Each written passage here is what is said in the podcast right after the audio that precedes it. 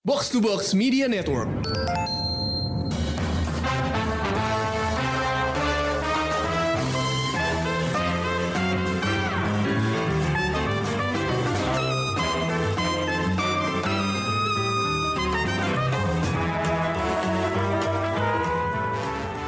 Halo halo pendengar Showbox, ketemu lagi di episode terbaru Showbox Podcast bareng gua Krisna. Di solo review Korea Vaganza kali ini, gua mau bikin sesuatu yang beda dari biasanya.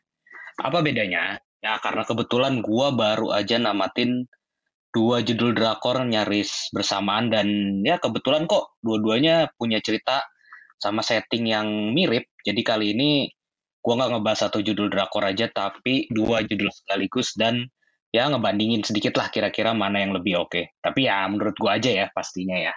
Ya sekali ini gua mau ngebahas Race yang tayang di Disney Plus Hotstar dan Agency yang tayang di Netflix. Kemiripan keduanya adalah ceritanya yang apa ya sama-sama berfokus dan bersetting di dunia kantor di bidang komunikasi. Setting utama Race ada di divisi humas atau PR, sebuah perusahaan farmasi raksasa, Sementara setting utama agency itu ada di apa ya sebuah advertising agency yang eh, gede. Di sini sebutnya sih salah satu advertising agency terbesar di Korea ya. Kemiripan lainnya ada di karakter utamanya juga. Ya baik race maupun agency ini dua-duanya digerakkan oleh karakter-karakter utama perempuan. Nah itu salah satu hal menariknya dari dua judul ini. Di di race sendiri ada Park Yoon Jo yang diperankan oleh Lee Yoon Hee seorang pekerja di sebuah PR agency yang kemudian dia kayak dapat kesempatan kerja di divisi PR sebuah perusahaan farmasi yang namanya Seyong. Berasal dari apa ya? Dia dari datang dari keluarga yang miskin dan bukan lulusan universitas ternama. Yunju bisa masuk kerja ke situ lewat sebuah program khusus PR di mana si Seyong ini ngelakuin apa ya semacam rekrutmen karyawan tanpa melihat latar belakang pendidikan. Jadi yang dilihat di sini tuh murni cuma dari pengalaman kerja aja gitu. Nah, ya kayak kayak, kayak yang udah sering tim Showbox bahas di episode-episode Korea Vaganza sebelumnya, di Korea tuh kan sering ditunjukin lewat drakor-drakornya juga termasuk susah banget buat dapat kerjaan di perusahaan gede kalau bukan lulusan dari universitas top juga gitu. Makanya drakor yang berlatar pendidikan itu selalu nunjukin apa ya kayak ketatnya persaingan antar siswa buat masuk ke universitas top gitu kan. Nah, di Seyong ini balik lagi kita ke race di Seyong ini di perusahaan Seyong ini Yunju tuh juga sekantor ya sama sahabatnya sejak kecil uh, yang namanya Ryu Jaemin yang diperankan oleh Hon Jong Hyun yang udah kerja di situ duluan lah dia udah udah ada di posisi asisten manajer di situ. Terus di saat hampir bersamaan juga si perusahaan ini nih si Seyong juga baru aja ngangkat seorang ahli PR terkenal yang ternyata dia itu kayak idola gitu ya, inspirasi dari Yunju untuk masuk ke dunia PR. Dia adalah si Gu Yijung yang diperankan sama Moon Sori sebagai dia diangkat tuh sebagai CCO atau Chief Creative Officer gitu ya. Sementara agency ceritanya tuh berpusat di Go Ain yang diperankan sama Lee Boyong sama kayak Yunjo di Race, Ain juga datang dari keluarga miskin. Bahkan bisa dibilang dia sebatang kara sejak kecil karena dia udah ditinggal sama kedua orang tuanya dari kecil dan ya dia juga bukan lulusan universitas top gitu ya. Tapi berkat kegigihan, kecerdasan dan kompetensinya si Ain nih bisa lah berhasil dia meniti karirnya dari bawah hingga akhirnya terus dia diangkat juga jadi Chief Creative Officer atau CCO di sebuah perusahaan apa ya advertising agency gede yang namanya Visi Planning. Si Ain ini juga disebut sebagai di, di apa di drakor ini disebut sebagai perempuan pertama yang berhasil menduduki posisi eksekutif di sebuah advertising agency gede gitu ya di Korea. Tapi ya sayangnya sekompeten-kompetennya Ain tuh dia tetap nggak lepas dari gangguan inilah politik internal kantor gitu loh biasa di dalam visi planningnya sendiri ya yang bikin dia jadi apa ya kayak cuman punya waktu setahun di posisi CEO gitu setelah itu dia bakal diturunin dari posisi itu gitu.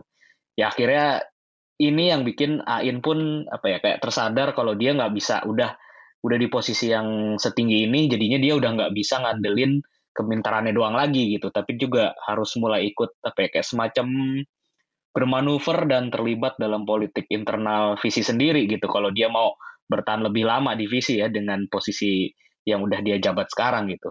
Terus di saat hampir bersamaan juga cucu perempuan dari pendirinya visi yang namanya Kang Hana yang diperankan sama Sona Eun itu diangkat jadi salah satu petinggi di visi planning juga.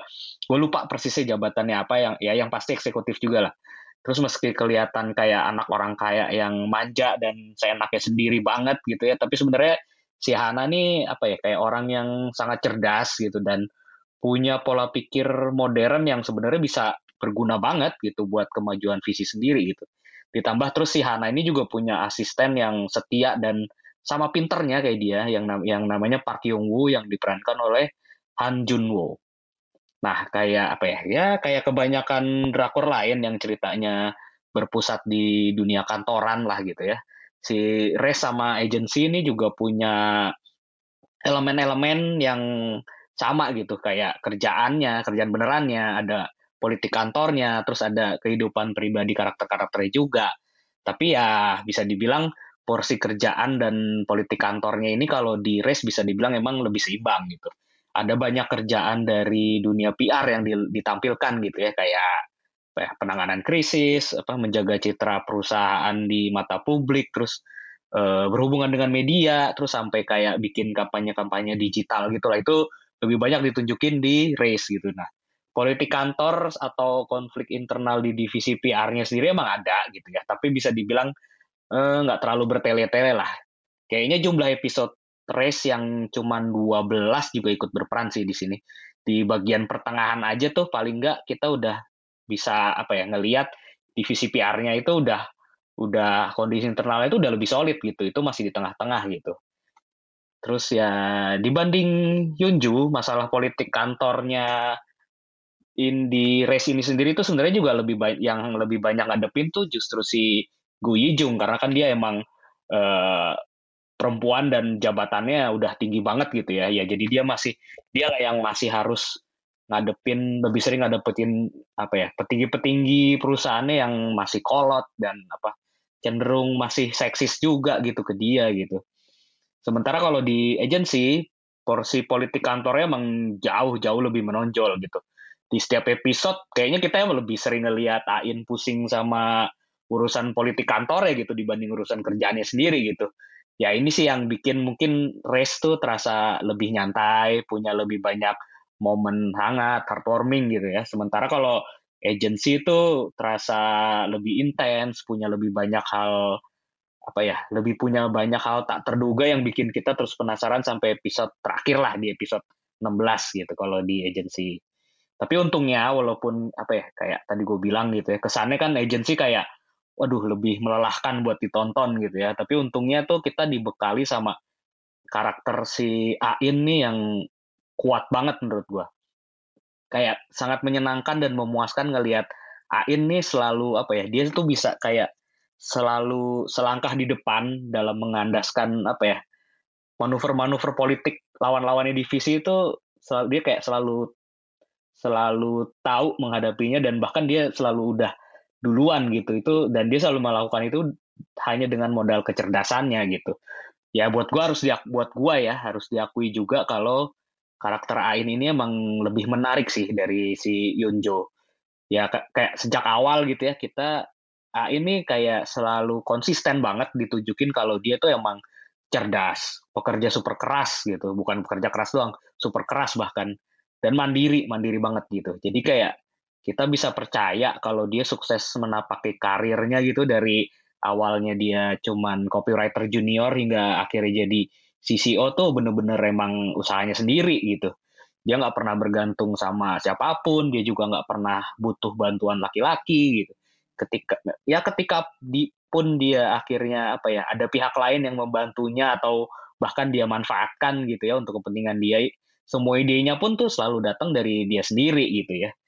Ya itu kerennya si kuatnya si Ain ini gitu ya. Tapi nah tapi di sisi lain kehidupan keras yang udah dia jalani dari kecil gitu karena ditinggal orang tuanya tadi ya kayak gue bilang itu mau juga bikin dia tuh jadi sosok yang sangat dingin gitu. E, nyaris nggak punya kehidupan sosial dan bahkan dia punya masalah mental serius gitu ya. Nah, ini sempat ditunjukin dia punya apa ya kayak eh, gangguan kecemasan berat yang bahkan itu sampai bikin dia tuh ketergantungan sama obat-obatan gitu. Ini semua tuh menurut gue sih ampuh lah ya bikin karakter si A ini jadi eh, apa ya semakin berlapis lah dan menarik gitu.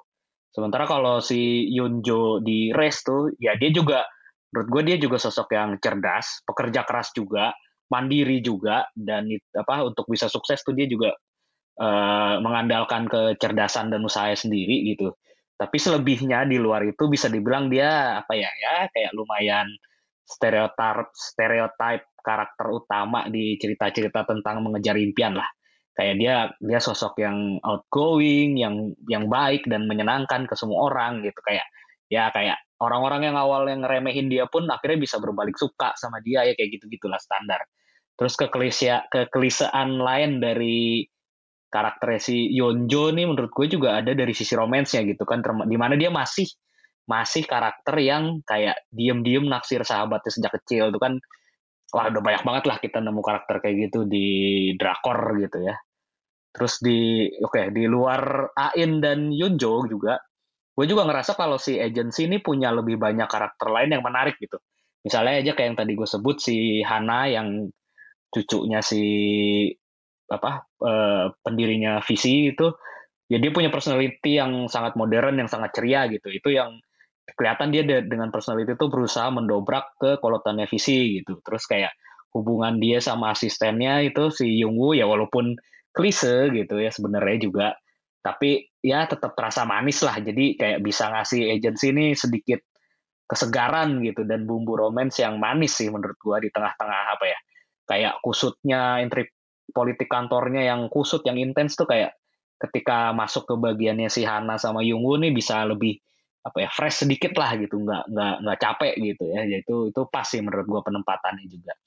Terus selain mereka juga masih ada kayak sosok-sosok lain kayak kayak mantan mentornya Ain itu yang namanya Yu Jung Suk yang diperanin sama Jang Hyun Sung itu terus ada ibunya Ain juga si Unja yang diperanin sama Kim Mi Kyung. Itu apa ya mereka bisa peran mereka tuh bisa apa ya nambah lapisan emosi lah ke karakter Ain paling enggak gitu.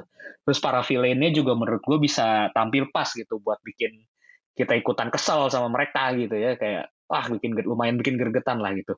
Terus sementara para petinggi-petinggi visinya juga nih yang bisa dibilang uh, bapaknya sama kakeknya si uh, Hana gitu. Terus ada CEO-nya juga yang pamannya Hana juga gitu itu apa ya kan dia selalu mereka tuh selalu di, ditunjukin kalau mereka berusaha netral gitu ya dengan kondisi di politik internal kantornya gitu ya. Tapi tapi itu juga jadinya bikin kita penasaran gitu sama langkah dan tujuan mereka tuh sebenarnya apa gitu kan. Kayak nggak mungkin mereka benar-benar netral gitu kan. Nah terus sementara kalau di race gitu selain si Yunjo gitu gue ngerasa cuman karakter Gu Jung yang bisa menonjol gitu. Ya dia bisa terlihat sangat meyakinkan lah sebagai pakarnya gitu ya di bidang PR itu dia bisa kelihatan sangat menguasai bidang itu gitu. Tapi dia kayak juga di kehidupan pribadinya juga punya sisi yang rapuh kali ya. Karena apa ya hubungannya sama anaknya itu yang bisa dibilang nggak harmonis gitu. Ya mungkin kalau dipaksa harus nyebut satu nama lagi yang menonjol gue bakal sebut siapa ya? Mungkin uh, karakter Song Sun Tae yang diperanin sama Johan Chul. Ya salah satu manajer di divisi PR-nya Seyong juga lah. Ini ya dia emang lebih kelihatan lebih sering kelihatan licik sih gitu dan nyebelin gitu ya. Tapi nggak tahu kenapa sejak awal kayak gue bisa ngerasain kalau dia pasti punya sisi baik juga lah gitu. Nggak nggak sejak nggak senyebelin itu gitu ya. Ya mungkin itu gue agak biasa sih karena gue suka sama aktornya sih sebenarnya gitu. Ya itu apa ya ketika kita ngomongin karakter karakternya ya jelas kontribusinya ya dari aktornya juga lah ya gitu. Kayak kayak misalnya di agency gitu si Lee Boyong ya jelas jadi man of the match ya banget lah. Tapi para aktor lain juga emang tampil solid juga gitu, pas dengan setiap karakternya gitu ya. Nah kalau di race menurut gue justru Munsori yang paling menonjol. Bahkan sering kali kelihatan kalau dia memang aktor yang levelnya tuh udah beda sama sebagian besar lawan mainnya gitu. Ya emang dia kan udah yang bisa dibilang paling senior juga di di di drakor ini gitu ya si siapa pemeran utamanya si Leon Hee itu sebenarnya juga menurut gue sih tampil oke okay, gitu ya. Tapi nggak terasa kalau dia bisa ngasih sesuatu yang lebih ke karakternya sih itu aja gitu. Tapi di luar itu oke okay sih sebenarnya penampilannya. Yang agak kurang itu justru gue ngerasa si uh, Hon Jo Yun sebagai Jaemin yang uh, apa ya sebenarnya harusnya karakter utama laki-lakinya gitu kan tapi jauh dari mengesankan sih menurut gue kayak chemistry-nya si Jong Hyun nih sama si uh, Yeon Hee tuh nggak nggak terasa kayak dalam banget gitu ya ya karena apa beberapa kali tuh kayak mereka justru kelihatan kaku, kelihatan kayak canggung bahkan gitu. Padahal kan diceritain kalau mereka tuh udah sahabatan banget dari kecil gitu. Ya itu sayangnya di situ aja sih mungkin kalau dari untuk race gitu ya. Nah terus ya terus akhirnya kita masuk ke bagian endingnya. Nah menurut gua sih dua-duanya punya konklusi yang memuaskan lah buat kita sebagai penonton gitu ya. Tapi lagi-lagi nih ya, eh, menurut gue agensi berhasil tampil lebih solid dari race ya konklusi memuaskannya itu nggak cuma untuk Ain gitu, tapi juga uh, untuk semua karakter ya gitu, termasuk para villainnya gitu. Terus beberapa subplotnya yang sempat gua khawatirin tuh kayak bakal bikin ceritanya jadi bertele-tele tuh ternyata juga bisa diselesaikan dengan apa ya lumayan mulus lah gitu. Misalnya kayak soal Ain dan ibunya gitu ya, gue sempat ngerasa ini kayak kurang penting ya ngapain sih ini ada cerita ini? Gitu ya. Kayak udah udah nggak nggak perlu lagi sebenarnya gitu menurut gue tapi untungnya ternyata penyelesaiannya tuh cukup tentu poin gitu ya nggak bertele-tele langsung ke intinya gitu dan dan masuk akal gitu. Jadinya hasilnya pun eh, apa ya bisa bikin karakter Ain tuh berkembang gitu. Dia sebelum dan setelah eh, apa ya permasalahan dengan ibunya selesai itu ya dia jadi orang karakter yang beda gitu jadi ada ternyata ada gunanya juga gitu terus satu lagi gue juga sempet khawatir sama soal kecanduan obat-obatannya si Ain ini. Ini dia bukan kecanduan obat-obatan terlarang ya. Ini dia kecanduan obat-obatan yang emang dikasih dari dokter gitu ya. Dia emang uh, apa udah konsultasi ke dokter gitu ya untuk mengatasi masalah mental ya gitu. Gue khawatir bagian itu dia kayak bakal dapat apa ya bagian itu bakal dapat treatment yang kurang sensitif gitu dengan dijatiin senjata gitu misalnya sama villainnya buat ngejatuhin dia gitu ya.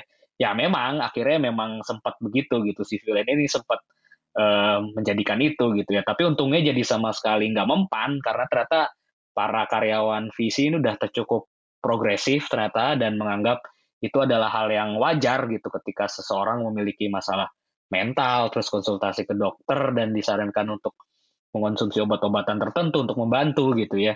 Ya artinya itu juga yang coba disampaikan oleh para pembuat drakor ini gitu dan itu menurut gua oke okay banget sih. Nah, oke. Okay. Nah, oke okay, sekarang pertanyaannya, jadi kantor mana yang lebih seru, race atau agency? ya, secara selera sih kalau buat gua biasanya gua bakal milih apa ya? Yang kayak race gitu ya, apa? Karena gua pada dasarnya gue lebih suka drakor tuh yang yang nyantai dan punya banyak momen heartwarming gitu dibandingin yang apa ya intens penuh intrik gitu kayak di agency gitu tapi kali ini kayak pengecualian sih gua justru condong lebih suka sama agency ya karena alasan-alasan yang udah gue sebut tadi ya sebelumnya ya. Terutama karena kuat dan konsistennya karakter si Goain ya sekali lagi. Keren banget sih Goain itu. Tapi kalau milih buat kerja beneran sih kayak gue mendingan kerja di Seyongnya Res sih. Kalau kerja di timnya Ain kayak sih gue bakal bolak-balik tipes, stres berat juga sih kayaknya. Gak kuat sih gue kayak kerja di bawah orang seperfeksionis itu gitu ya. Oke, Uh, segitu aja kali ya uh, pembahasan gue tentang race dan agency. Uh, sebagai penutup, gue bakal kasih rating tiga bintang untuk race dan tiga setengah bintang untuk agency. Uh, race bisa kamu tonton di Disney Plus Hotstar dan agency ada di Netflix. Terima kasih untuk semua teman-teman yang udah dengerin. Sampai jumpa lagi di episode Showbox selanjutnya dan bye bye.